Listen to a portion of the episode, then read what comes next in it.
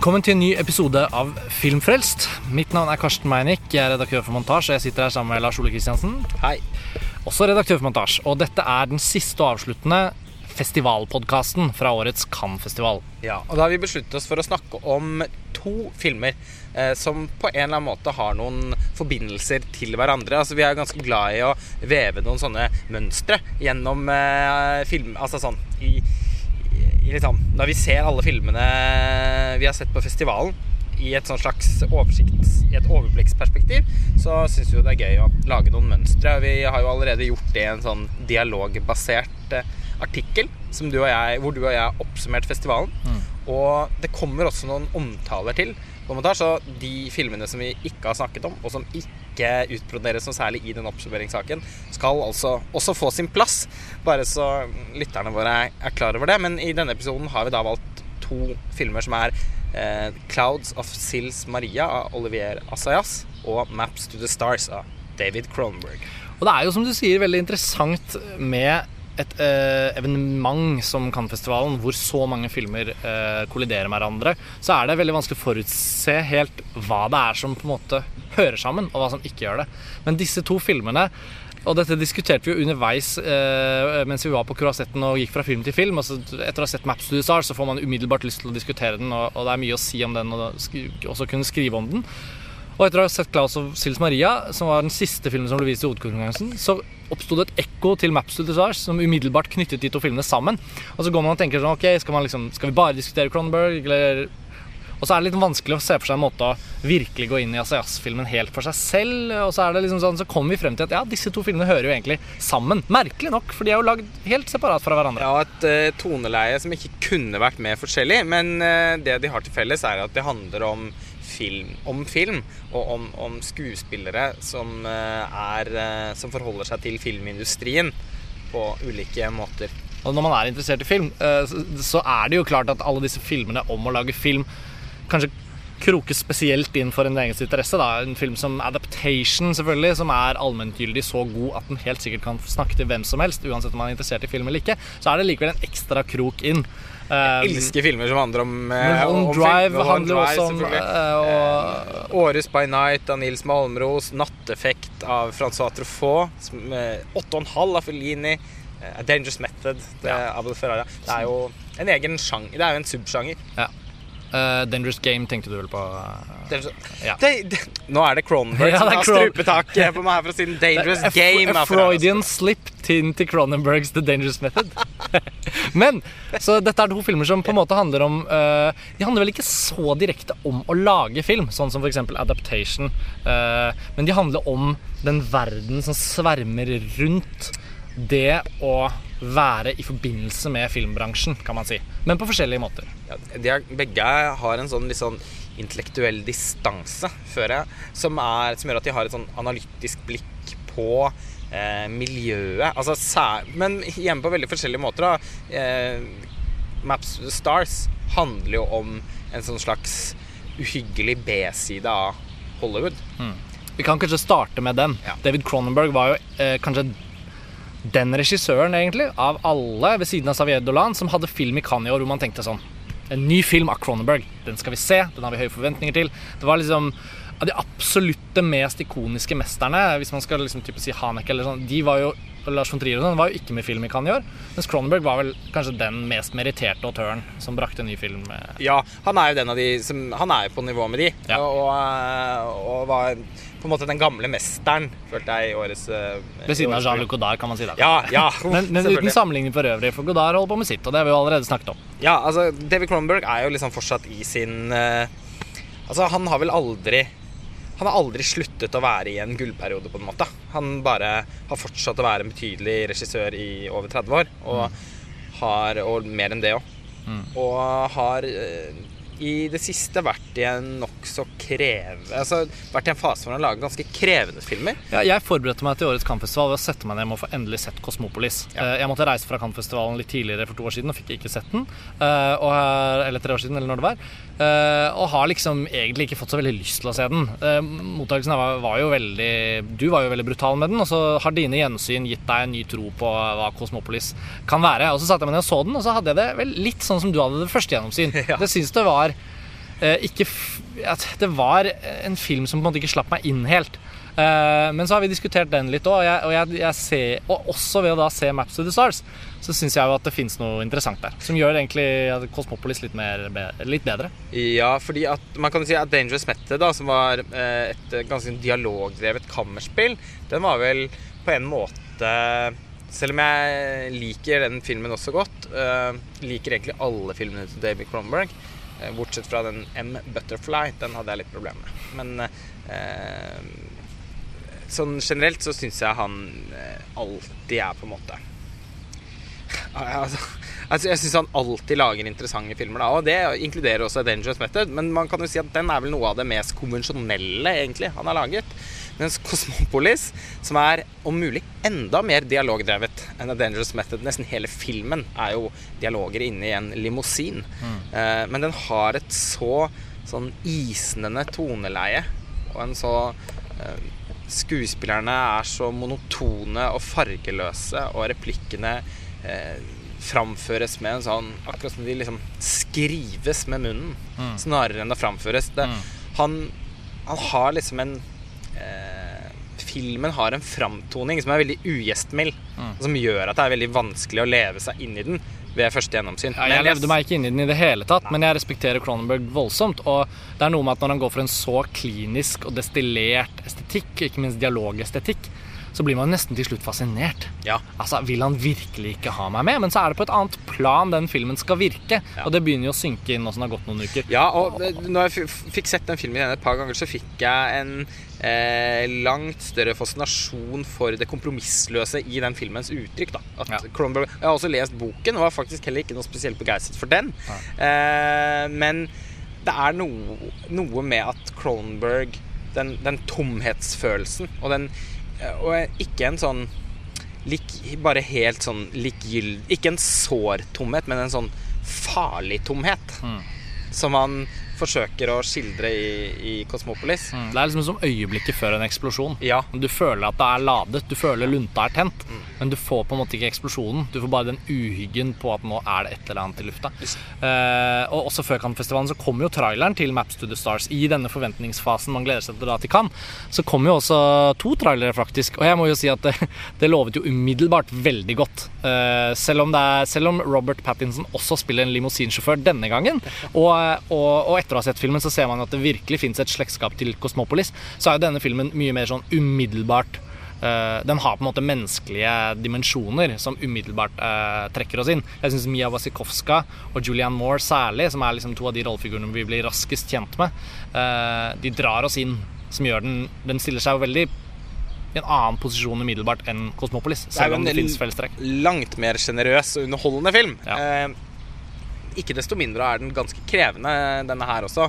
Den, eh, den forventer jo på en måte at tilskueren eh, møter den med et veldig sånn aktivt, analytisk blikk. Fordi eh, mottagelsen i Cannes var i og for seg overraskende god. For den fikk mange virkelig gode kritikker av ganske sånn tungtveiende kritikere. Men samtidig så var den også, polariserende, fordi det var noen som ikke kunne utstå filmen også. Og, og jeg kan ha en viss forståelse for det, fordi Eh, i, der har, har, den vel et visst slektskap med Kosmopolis. da mm. At den har en sånn derre sånn corny tone. Mm. Og den insisterer veldig på å være som den er. Ja. Jeg føler ikke at den Den har liksom visse døråpninger, langt flere enn Kosmopolis, og vi er velkommen inn. Men det er liksom, det er liksom noe som foregår der, som, som, som Cronenberg ikke bryr, seg om, ikke bryr seg om at kan skape liksom fiender, da. Altså folk som ikke setter pris på filmen. Men uh, men han holder jo på med noe jævlig interessant nå. Da. Altså hvis vi skal se litt på tematikken her, og, og, og hvordan han velger å tegne opp menneskene opp mot hverandre. Jeg synes det er veldig interessant. Den handler jo egentlig om incest. Og dette har vi diskutert litt underveis i festivalen òg. Det er jo den mest gjennomgående metaforen i filmen, er jo incest. Og det, eh, flere av hovedkarakterene i filmen har en incestuøs relasjon eh, til over flere generasjoner. Og de blir på en måte et bilde på det incestuøse ved Hollywood og ved filmproduksjonen i Hollywood. Her snakkes det sagt om en sånn B-side av, av, av, Hollywood, eh, hvor man ser liksom en filmbransje og en filmindustri som, som reproduserer eh, seg selv eh, gjennom å på en måte ja, ligge med seg selv. Altså, det er noe incestuøst med hvordan bransjen holder seg selv i live. Og hvordan det får noen sånn skrekkartede uttrykk, eh, uttrykk i form av trashkultur og ødelagte menneskeliv, rett og slett, som, som hele tiden må leve på en eller annen slags fryktelig livsløgn om at de er skuespillere og at de jobber med film. Vi som er eh, altså, morsomt nok når man ser filmene i Cannes eh, noe av det morsomste å gjøre i Cannes, egentlig, men som det er litt vanskelig å sette av tid til, eh, det er å gå inn på markedet. Fordi filmmarkedet kan Der er liksom det, Film selges som narkotika. Det er, eh, det, er helt det er nesten helt rørende å se hvor mange det er som jobber med å liksom produsere, lage, distribuere, selge film. Som er der, og som med liksom det, det Da største snakker vi C-side, D-side. ja, ja. Som med, ja, som med størst tenk, tenkelig engasjement forsøker å selge den grusomste dritten man kan forestille seg. Hvis man altså, blar i katalogen og ser plakatene som henger i det markedet, man blir nesten helt Det er ikke til å forstå. Det er en annen verden. Det er en verden av film som vi i hvert fall ikke forholder eh, oss til. Og den verden av film eh, toucher også Maps to the Stars innpå. Absolutt. Det er, disse, det er på en måte det incestuøse, men også som reproduksjoner. Denne evige syklusen. Men spørsmålet er om denne, denne sentrifugen hvor det kommer inn og går ut og kommer inn og går ut, nok en gang koblet til den tematikken som knytter til incest sånn rent menneskelig. Altså sånn eh, familiær, familiær overskridelse, kan man si. Eh, så gjennom den sentrifugen så kommer det på en måte ikke det kommer ikke noe nytt og vakkert ut. Nei. Det skyldes for det vakre, for det nye. Hver det er en sånn ja. depresjon som ligger over den skildringen. Og det er jo også fascinerende at i selve handlingen i Maps to the Stars så er Julianne Moore spiller da en uh, filmskuespillerinne som har på en måte hatt en høy stjerne, men som begynner å innse at alderen og ting, ting begynner å, å holde, trykke henne ned. Hun begynner å ha en desperasjon. Men så er det snakk om en film hvor hun skal Altså, hun har eh, eh, hennes mor, som er død, som hun har et veldig problematisk, men også litt sånn inderlig forhold til minne om. Det er vel hun skal spille rollen som sin egen mor, eller er det den Fordi samme rollen som mor spiller? Ja, som egentlig er en mye flottere skuespiller Ja. eh, enn en henne. Med en slags, får man inntrykk av en slags nesten sånn filmhistorisk status. Ja. Eh, og eh, filmen handler mye om hvordan liksom eh, hver en, hver, hvert eneste nye barn som fødes i Hollywood, fødes med en, en forventning og en belastning. Altså en, en forventning om at, om at vedkommende skal jobbe med film. Altså at det ikke tar slutt. Og for hvert ledd som du sier, så utvaskes liksom det rene og det vakre og det flotte.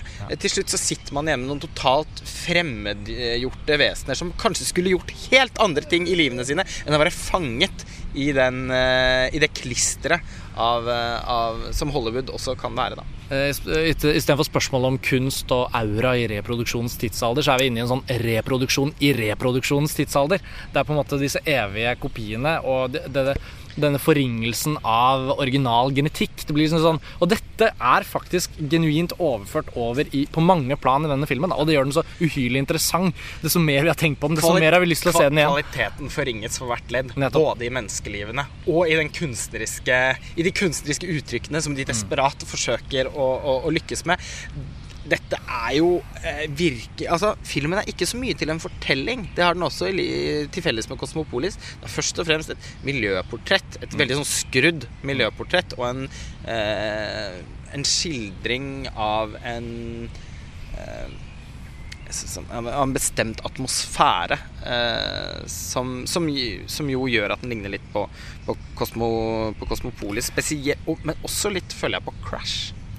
Enig, og den har jo selvfølgelig paralleller til Mulholland Drive på visse ting, eh, samtidig som de er veldig forskjellige. Jeg føler Mulholland Drive, Drive har jo på en måte et slags inderlig prosjekt i å fortelle om drømmen om å komme til Los Angeles. Ja. Eh, når, hun går, når hun kommer ut på flyplassen der ikke sant, i Mulholland Drive, sånn det fortryllende. Synden eksploderer. ja, ja, ja. Men når Mia Wasikowska i Maps to the Stars kommer av bussen, så føler jeg i større grad at her er det ingen drømmer. Hennes drømmer er brent for lenge siden, hvis hun noen gang hadde noen. Og hennes lille plott er jo en slags hevnhistorie. Eh, og, det er mange rollefigurer i omløp her. Det er ingen tydelig én hovedperson nødvendigvis. Men, men Mia Wasikowskas prosjekt sprer seg jo rundt i, i fortellingen som en slags smitter jo filmen med Hun er viruset, liksom, ja, på en eller annen måte. Hun smitter også filmen med nesten en, en viss sjangertilhørighet. Altså sånn, hun gjør også at filmen er litt en hevntriller, Mm. og litt en sånn slags uh, Ja ehm, Nei. Nei. Nei, men altså, hevndriller blir jo å ta i. Ja, for Ja, jeg kjente på at det ble veldig Ja, heftig. men, men, men, men, det stemmer jo også. Altså, men det er bare det at det må forstås innenfor den følelsen av filmen som vi nå sitter med i hukommelsen. Liksom sånn. Man, man sitter Hun- og venter på at hun skal Ja. gjøre noe et eller annet. Trekke noen tråder underveis. Ja, og hun er ute etter noe annet. Og, og hun har en fortid som hun er eh, kommet for å ta et slags oppgjør med. Men, men hvordan alt utspiller seg, hvordan alt påvirker hverandre, har ikke en sånn følelse av en fortelling, som du akkurat sa. Det har mer en følelse av tilstand. Det er noe sånn det, Brikker som forskyver seg, og så er det denne evige reproduksjonen. Nok en kverna går i bakgrunnen, liksom. Eh, En fantastisk eh, rollefigur. altså Mia Masikovskas lillebror er en sånn barnestjerne. Eh, husker jeg ikke navnet på han skuespilleren, for jeg har aldri hørt om han før. Eller sett han før, Men han var kjempegod. Ja, og han, han er sønnen Åpenbart typecastet. ja, men altså, han er så glimrende på det han gjør, og, og hans, hans morbide liksom holdning til verden gir det også en veldig sånn Cronenbergsk touch. da. Eh, Jeg syns egentlig de to, Wasikowska og han eh, gutten, er vel de som føles mest som sånne typiske Cronenberg-figurer. Eh, mens Julianne Moore er, er liksom den mest sånn rørende menneskelige, egentlig. Hun vant jo også prisen for beste kvinnelige skuespiller i Cannes-festivalen. Veldig, veldig var Jævlig fortjent. Uh, det var hard konkurranse i år. Marion Cotillard i hos Dardenne-brødrene var manges favoritt. Ja. Altså Andor Wall i Xavier Dolans Mommy var jo selvfølgelig en favoritt. Virkelig hard konkurranse. Og likevel, på tross av at jeg liksom også virkelig hadde innstilt meg på at Marion Cotillard skulle få den prisen fordi hun er sånn rystende god i den, den filmen. Og hun har blitt snytt for så mange priser i Cannes, på en måte. Eh, Men hun har fått en Oscar, og det har ikke Julianne Moore fått. Så. Nei, og når, når, når de leste opp den beslutningen, så var det et smil fra øre til øre. Fordi jeg syns jo det er kulere at sånne typer roller får, får en sånn anerkjennelse. Da. Ja, nei, Veldig kult valg av juryen. Og, og selv med så stilistisk og liksom sånn hardcore innstilling som Cronberg har, både i den filmen og Cosmopolis. Altså han, han, går, han krever mye av skuespilleren sin òg, så oppnår han en, en, en han, han gir det rommet som gjør at skuespilleren egentlig får utfoldet seg med veldig tredimensjonale og, og fine portretter innenfor denne veldig typiske looken. Ja, altså De får lov til å eksperimentere med en stilisert spillestil som det er relativt få regissører som vil gi dem rom for. Det er jo ikke snakk om at eh, altså, Julianne Moore til og med, da. Altså, hun, det er ikke en naturalistisk spillestil. Det er veldig sånn over the top-spill, men gjort med en eh, desperasjon som føles veldig sånn eh, Som brenner, da. Altså Skuespillerne er jo også et fellestrekk til eh, Olivera Sayas, uh, Claus og Sils Maria. Eh, eh, vi snakket jo litt om plottene, at, at de er ganske, ganske like. Altså, her er det, møter vi I hans film så møter vi da en, eh, en skuespillerinne som, en, som er en stor filmstjerne, men som også har på en måte merket at hun har begynt å bli eldre. Og, og som går inn i en slags eksistensiell fase, både som skuespiller, men også som menneske, spilt av Juliette Binoche. Det er jo liksom Julianne Moore-rollen i, i Asayas sin film. Og hun er eh, på vei til Sveits for, for å holde en slags eh, tale i forbindelse med en æresprisutmerkelse som går til en dramatiker og regissør som hun har jobbet med i sin gjennombruddsfilm da hun var ung og lovende. Og som hun ble stjerne med utgangspunkt i. Og så, så inntreffer det noe som gjør at ting begynner å endre seg, og hun er på denne reisen med sin personlige assistent, spilt av Kristen Stewart. Eh, og det dukker også opp en sånn starlet, en sånn Lindsay Lohan-aktig superstjerne, spilt av Chloé Grace Moretz. Og disse tre uh, kvinnene, da, og hvis man ser liksom bakenfor selve filmen, hvis du ser på disse tre skuespillerne, Chloé Grace Moretz, Kristen Stewart, Juliette Binoche, så oppstår det så mye eh, interessant både i forhold til skuespillerrollen, og i forhold til hvem de er faktiske skuespillerne, og i forhold til selve plottet. Og jeg synes eh, det, det å liksom se Maps to the Stars og eh, Klaus og Sils Maria side om side er litt sånn fascinerende. For, for i Klaus og Sils Maria så er det også snakk om å sette opp dette kjente teaterstykket hvor Juliette Binoche hadde sitt gjennombrudd. Sette opp dette på nytt. Hun blir invitert til å spille den gamle, triste eh, dama i historien som forelsker seg i denne unge, sprudlende jenta, som da skal spilles av Chloé Grace Moretz. Og så blir det refleksjoner liksom rundt eh, det å spille en, den unge rollen en gang, og så den gamle rollen, og hva som har endret seg. Og, Altså Filmen handler på en måte om det punktet i en skuespillers, og kanskje særlig en skuespillerinnes liv. Eh, Det er jo ofte veldig mye snakk om at det er for få gode roller til aldrende skuespillerinner. I, særlig i amerikansk film. da Og eh, jeg, den handler liksom om det punktet i en skuespillerinnes liv hvor hun må begynne å eh, bonde med yngre, hotte skuespillere for å aktualisere, liksom, aktualisere seg selv. Og det er akkurat det som skjer her. Eh, Julie Pinoche forsøker jo da å etablere et samarbeid med karakteren som Chloé Grace Moretz spiller, denne unge, lovende, hippe skuespilleren, for å selv på en måte tjene på det. Samtidig som hun også har en forventning om at hun er mesteren som skal bli, se opp til, og skal, bli sett opp til, og som på en måte eh, bør være et forbilde. Og så har du eh, Kristen Stewart, som spiller denne personlige assistenten hennes, eh, innimellom dette her, som er, som er filmens rasjonelle blikk, og som kommer med de analytiske, skarpe betraktningene om eh, tingenes tilstand. Da, og som er- konfronterer Juliette Binoche med Ser du ikke at liksom du, du, du, du, du, Ja. og, det. Og det er jo da også filmens eh, hun, altså Kristen Stewart blir så veldig denne filmens stemme også liksom gjennom manuset. Den, den karakteren er Det er henne vi identifiserer oss med, på en måte. Altså Jazz, som har sittet og skrevet manuset, Ja. har på en måte skrevet det som henne, Ja, føler jeg. jeg er enig. Men det skal jo også da sies at Kristen Stewart evner jo virkelig å løfte den uh, filmen med sin rolleprestasjon. For hun spiller helt fantastisk. Hun har jo på en måte egentlig alltid vært en god skuespiller, helt siden Panic Room. Altså, Ja, ja. sånn, hun har vært god i det meste. Og så har, hun blitt en, hun blitt en gigantisk superstjerne pga. Twilight-filmene. Og det har jo for så vidt også gitt henne makt til å være med og være eh, årsaken til at mange filmer blir laget, av mindre filmer. Og hun var fantastisk i Adventureland, Ja, der, eh, som vi har der er hun jo altså så god at eh, hvis det hadde vært noen rettferdighet i verden, så hadde hun jo blitt Oscar-nominert for den rollen i er helt enestående god i Adventureland. Og så er hun jo helt det overlegent beste i Clouds of Sils Maria. Og Juliette Binoche er fantastisk god. Det er, har hun bevist en million ganger, så er ikke det. Ja. Og hun løser jo denne også oppgaven med glans. Men det er noe med at filmens hjerte, filmens kvern, film, alt det som gjør denne filmen interessant for den har jo også ting som gjør den uinteressant. Ja. Men det som gjør den sterk og interessant, det er jo hvordan Kristen Stewart klarer å For det er ikke en lett rolle å spille heller. Hun klarer å ta den figuren, denne personlige assistenten, observatøren, eh, analytikeren, og få den til å liksom vokse ut av settingen som det mest interessante egentlig mennesket. Da. Også denne de interessante dilemmaene, egentlig. Hun bærer altså med seg en så naturlig, liksom uanfektet karisma inn i den filmen som eh, Som jeg bare liksom kan forbinde med mine absolutte favorittskuespillere. Altså Hun har den der evnen til å bare komme inn i filmrommet og bare ta det uten å rope eller liksom spille i Altså Hun er liksom også, for å ta en eh, skuespiller i hennes samme generasjon, som det er på en måte er naturlig å sammenligne henne med, Jennifer Lawrence har også sin franchise. En litt bedre franchise, kanskje, enn Twilight. Eh, men, men øh, Og selv om hun også selvfølgelig er knakende god, så er hun også litt sånn derre Hun skal være karakterskuespiller. Hun skal ta den rollen hennes i eh, American uh, Hustle. Ja. Mens Christine Stewart har en helt annen sånn coolness, syns jeg. Hun bare liksom kommer inn i rollen som en ganske sånn intellektuell type. Fått på seg noen sånn hornbriller. Eh, ser ut som hun er snytt ut av nesa på en eh, sånn Woody Allen-film fra slutten av 80-tallet. Med Mia Farrow skutt i litt sånn bruntoner av Carlo De Palma. September, Another Woman. Litt en sånn type Woody Allen-film. Hvis Woody Allen finner på å se Clouds of Sils Maria, eller hvis han på en eller annen måte ikke helt har oversikt over hva Kristen Stewart kan gjøre fra før av, så er vel spådommen om at Kristen Stewart snart dukker opp i en Woody Allen-film, den er vel nesten beste oddsen du kan få, tror jeg. Ja, den må Det må bare skje. Altså, det er så skapt for å skje at det Nei, ja. Hun er fantastisk, rett og slett. Ja. Og høydepunktet med filmen Filmen ellers er en Olivier Asias-film.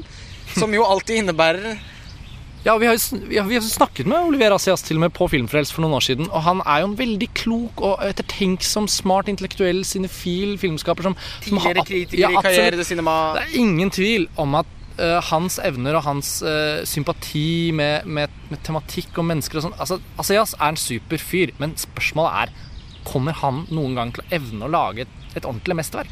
Nei, Det er jo det vi har snakket om så mange ganger før, at han Det er alltid gøy å se filmene til Asias. Det er alltid mye bra der. Det er eh, Ikke minst å lage en sånn deilige filmer. Eh, det er nesten sånn Du er så godt tatt hånd om når du setter deg ned på en Ha- Samme her i liksom. Clouds of Sils Maria. Ja, Altså. ja for det sånn, men det er noe Det er veldig liksom, deilig å se filmene hans. Uh, og de er ofte veldig gode. Men også gjerne akkurat så Liksom så forsiktige og så lite vågale på absolutt alle nivåer. at de aldri helt klarer å løfte seg opp i det øverste sjiktet. Den eneste filmen hvor jeg syns han har vært i nærheten av det. Som jeg, hvis man skulle si at han hadde noe som kunne være i nærheten av det, la oss kalle det hans absolutt beste, film. Ja, så er det Summer Hours. Ja.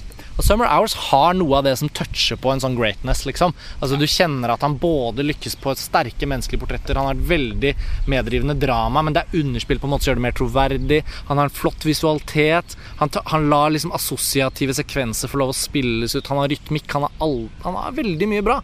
Og så er det liksom akkurat selvfølgelig det, det lille ekstra som ikke helt løfter filmen over i liksom de, den absolutte kanoen. da Og også i forhold til at det er en fransk film, så er det så mange eh, blodsbrødre holdt jeg på å si til Asayas, som drister seg ut på planken med filmene sine, og som, hvis de lykkes, oppnår noe mer enn det Asayas er, klarer å gjøre. da Og noen ganger så føler man også at han kanskje kunne byttet ut Altså sånn sjonglert litt med på samarbeidspartnerne sine også. Så Erik Gautier, eksempel, som vel har fotografert alle de siste filmene til Asayas.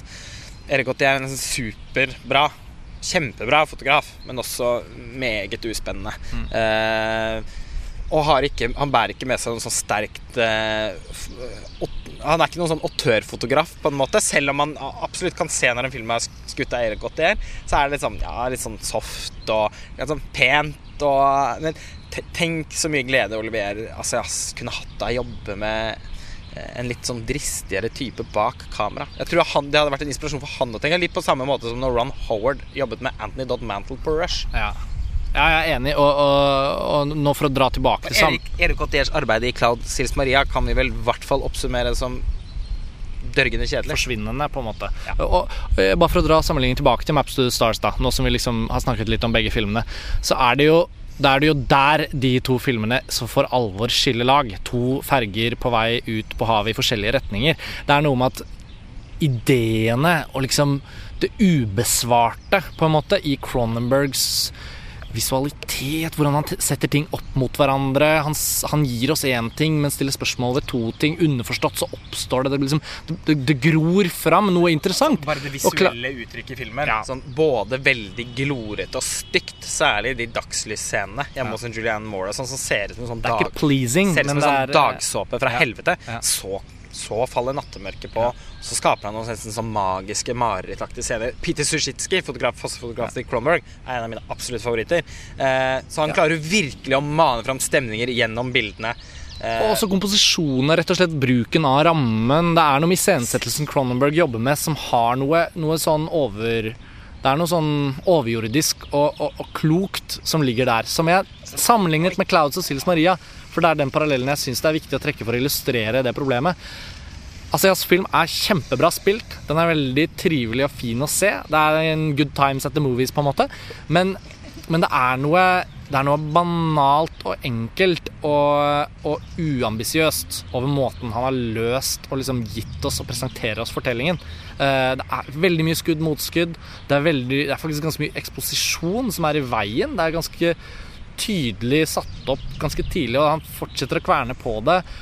Og, og alt i alt så ender han ikke opp med et interessant nok også er- innhold. Nei, og så er det ganske mye Og så kan man også si at det er en del rot i filmen. Den er over to timer lang. Og sett opp mot eh, Ja, The Maps to Stars er lang til å være en Cronberg-film. Føles ikke lang. Men den er 1 time og 50 minutter. Cronberg sine filmer pleier å klikke sånn, tikke inn på sånn 90-95 minutter.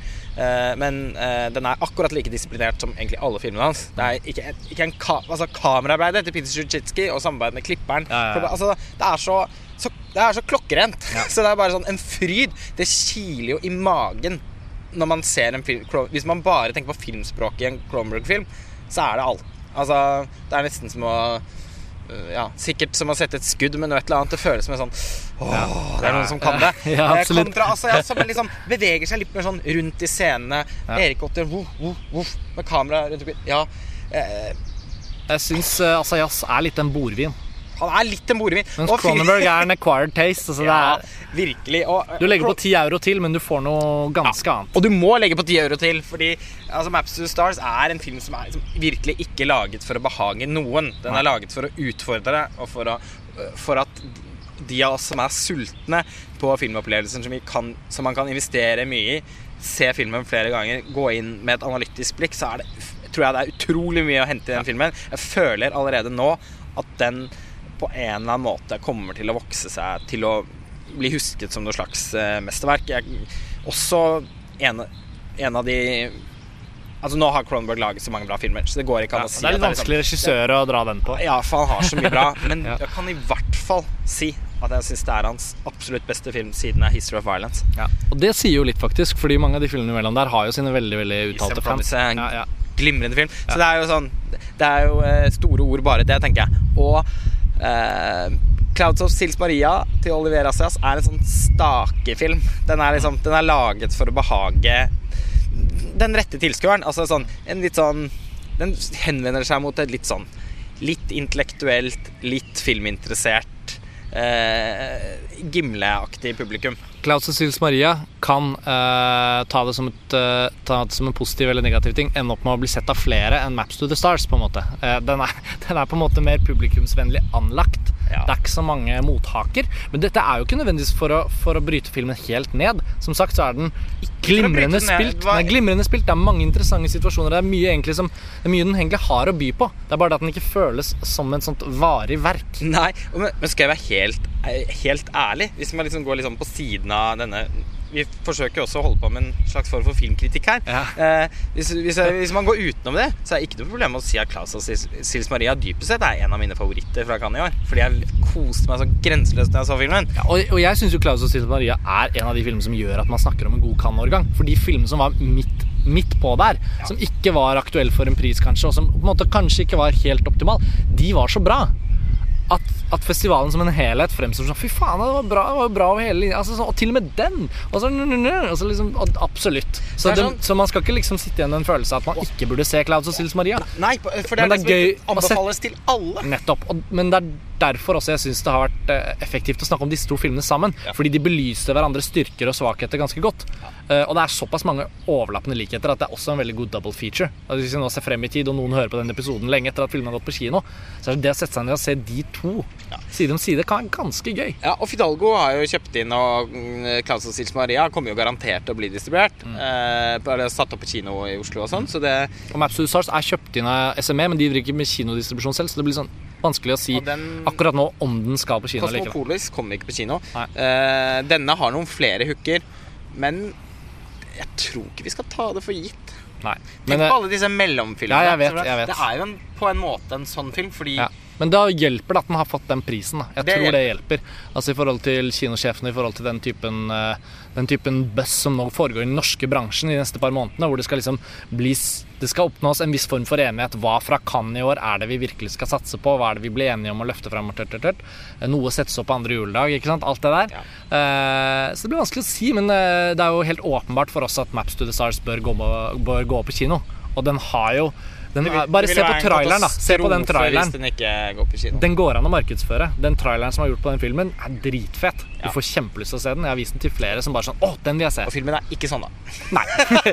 men men, men Cronenberg og Cronenberg-fans og filminteresserte for øvrig kommer jo, kommer jo ikke til å være blinde for den filmens kvaliteter. Det tror jeg ikke. Eh, Nei, Det tror jeg virkelig ikke. Tror jeg virkelig ikke. Og jeg tror også eh, litt mer på en måte vanlige kinogjengere kan i hvert fall få seg en ganske minneverdig opplevelse. Det er jo også en film som er fylt av Det er jo også litt sånn crazy Cronberg, eh, Cronberg Ja. tilbake. Ja. Eh, det var, derav Crash-assosiasjonen i stad. Den Ja. har noe av den samme sånn corny tonen som er i den filmen. Drøy. Den er litt drøy. Den er litt drøy. Klaus og Sis Maria er ikke drøy. Fins ikke drøy. Det er en trivelig sju, syv års aldersgrense på den, liksom. Ja. Uh, Maps to the Stars er vel nærmere 18. Ja. Eh, noen, noe- det er selvfølgelig noen innslag av sex, det er en Cronenberg-film. Uh, også noen innslag om veldig brutal vold, som kommer sånn helt inn fra venstre. Bokstavelig talt inn fra venstre, tror jeg Ja. faktisk den kommer. Og det er mye i den filmen som kommer inn fra venstre. Mm. Bare, Kjæledyrene blir heller ikke spart. Nei. Og, og, og, det, og man vet aldri liksom, Man kan aldri føle seg trygg. På samme måte som hovedkarakteren i filmen hele tiden går rundt med en angst som de ikke helt klarer å plassere noe sted. Eh, sånn føles også filmen. Ja, den har en uhygge, og det er i uhyggen at kvaliteten ligger, som så ofte med Cronenberg. Og som du sa, filmen er blottet for drømmer, men den har ganske mange mareritt. Eh, også helt sånn bokstavelig talt. Det er noen marerittsekvenser i filmen som er eh, veldig uhyggelige. Blottet for drømmer, fylt av mareritt. Jeg syns det var en veldig god konklusjon. Hun, hun døde eh, en sånn, Hun jenta som har dødd i kreft, og som ser litt ut som en Samantha fra The Ring. Ja. Når hun kommer med en sånn derre Sånn bleke armer som er fylt av sånn utstående blå blodårer. Mm. Da Ja. Det mangler ikke på uforglemmelige bilder i den filmen. Nei, det gjør det ikke, ass. Dette avslutter jo på en måte årets uh, festivalpodkaster. Ja. Uh, Cronenberg Asias. Morsom sammensetning for oss. Eh, forhåpentligvis så blir det gøy for lytterne våre også å oppsøke disse to filmene og se dem i forhold til hverandre. Maps to the Stars kommer vi helt sikkert til å lage mer rundt, både Ja. i form av tekst og kanskje til og med en ny podkast når Ja, filmen kommer. Den må et- ses igjen. Nettopp. Den må ses igjen, men som et lite frempek. Det inspirerte jo litt til en diskusjon som særlig vi to har hatt i Cannes. Det har vært litt for lite samtaler om Cronenberg på montasje og på Filmfrelst, så vi har ikke helt utelukket ideen om å kanskje ta en liten kikk på Cronenberg i et litt sånn større bilde. Vi får se. Ja, og benytte anledningen, særlig hvis filmen får eh, norsk kinodistribusjon. Nå har vi lovet ting på Filmfrelst som vi ikke Ja har holdt. ja, men vi jobber fremdeles med den Tarkovskij-spesialen. Men jeg tror, vel, jeg tror vel i alle fall at vi nesten kan love at vi da er veldig klare for å kjøre en spesialepisode i sin helhet dedikert til David Cronbergs filmografi. Fordi det er veldig mange av oss innad i montasje som er ganske store Cronberg-fans. Den som lever, får se. Det blir et drøm eller et mareritt. Takk for denne gang. Takk for at dere hører på. Ha det bra. Vi vender straks tilbake med vanlige filmfrelsepisoder. Ha det! Ha det.